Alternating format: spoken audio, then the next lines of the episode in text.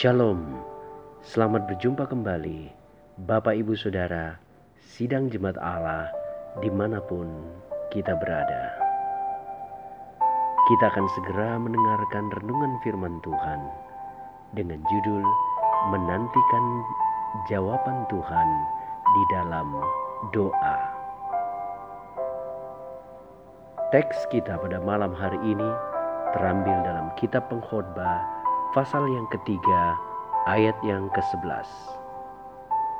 Di situ dikatakan, ia membuat segala sesuatu indah pada waktunya. Bahkan ia memberikan kekekalan dalam hati mereka. Bapak Ibu para pendengar, saudara sekalian, ketika kita sedang berdoa mengharapkan sesuatu terjadi, maka ada tiga jawaban yang bisa kita terima. Perlu digarisbawahi bahwa Tuhan selalu menjawab doa. Hanya saja doa dan jawabannya terdiri atas tiga. Ada doa yang langsung dijawab iya, ada doa yang jawabannya adalah tidak, dan yang ketiga, doa itu menantikan waktu yang tepat. Jadi ya, tidak sabar menanti.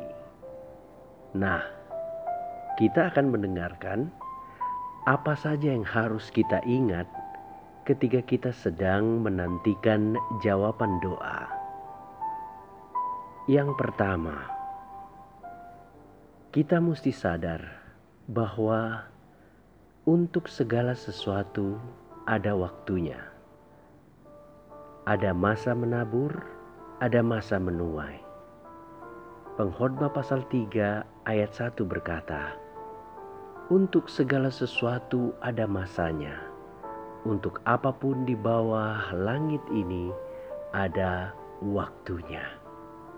Nah, Bapak Ibu, para pendengar, saudara yang dikasihi Tuhan, kita mesti sadar bahwa kadangkala doa kita belum dijawab, kita harus sabar menanti.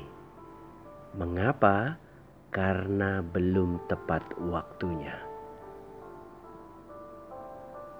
Kita harus betul-betul paham bahwa selama menantikan jawaban doa, kita sedang menunggu waktu yang tepat bukan menurut waktu kita, tapi menurut waktunya Tuhan. Kita kepengen cepat, kita maunya instan, segera, atau tidak sama sekali. Dunia memang sedang menjurus ke sana. Segala sesuatu sudah instan, kopi instan, mie instan, teh instan. Seolah-olah kita ingin mempersingkat proses dan waktu. Tapi Tuhan tidak. Tuhan masih tetap sama dahulu sekarang dan sampai selama-lamanya. Ada proses menabur di dalam doa dan suatu saat nanti kita akan menuai. Jadi ingat, ketika kita menanti jawaban doa yang pertama, kita harus tahu bahwa untuk segala sesuatu ada masanya. Jadi, ketika kita berdoa, kita tahu waktu Tuhanlah yang terbaik. Yang kedua, apa yang harus kita ingat ketika kita sedang menantikan jawaban doa dari Tuhan? Kita harus ingat bahwa ketika kita sedang menantikan, Tuhan sedang mempersiapkan karakter kita. Ia sedang mengubah kita. Ia sedang mentransformasi kehidupan kita dari orang yang pemarah menjadi orang yang lemah lembut, tahu mengendalikan dirinya di mana pun berada. Dari orang yang gak sabaran, pengen cepat, menjadi orang yang sabar, mengetahui proses dan waktu, Dari orang yang tidak setia menjadi setia. Dari orang yang kurang baik menjadi baik. Jadi hari ini ketika kita menantikan jawaban doa, kita ingat kenapa doa itu belum dijawab? Karena sebenarnya ia sedang merubah karakter kita. Tuhan sedang merubah karakter kita. Ia mau kita sejalan dengan karakternya. Banyak orang meminta supaya diri berkati dengan kelimpahan. Dan ketika kelimpahan datang, karakternya tidak siap menerima kelimpahan itu. Dia jadi melete, dia memandang rendah orang, dan dia lupa bahwa semua yang dia miliki adalah karena kemurahan Tuhan.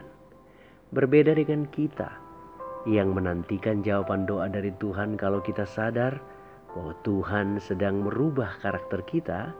Begitu kita diganjar kesugihan, kita merasa Tuhan ini adalah kemurahanmu.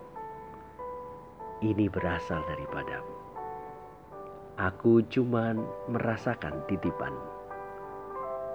Kenapa? Karena kita mesti ingat bahwa Tuhan sengaja belum menjawab doa kita karena ia sedang membentuk karakter kita. Yang ketiga, apa yang harus saya ingat ketika menantikan jawaban doa dari Tuhan? Ingatlah bahwa berkat yang Dia sediakan jauh lebih besar daripada yang pernah kita bayangkan dan pikirkan sebelumnya. Kalau kita tidak mendapatkan berkat-berkat secara jasmani, maka rohani dan kehidupan serta kesehatan justru ditambahkan dalam kehidupan kita. Nah, Bapak Ibu para pendengar sekalian di mana pun kita berada. Inilah yang harus kita ingat ketika sedang menantikan jawaban doa dari Tuhan. Yang pertama, kita harus ingat bahwa ada proses penantian dari menabur menuju menuai. Reinhard Bongke pernah berkata, "Apa yang kita tabur di dalam doa, akan kita tuai di alam kenyataan. Dan itu butuh proses. Wah tapi pak, aku kepengen bojoku segera berubah. Butuh proses.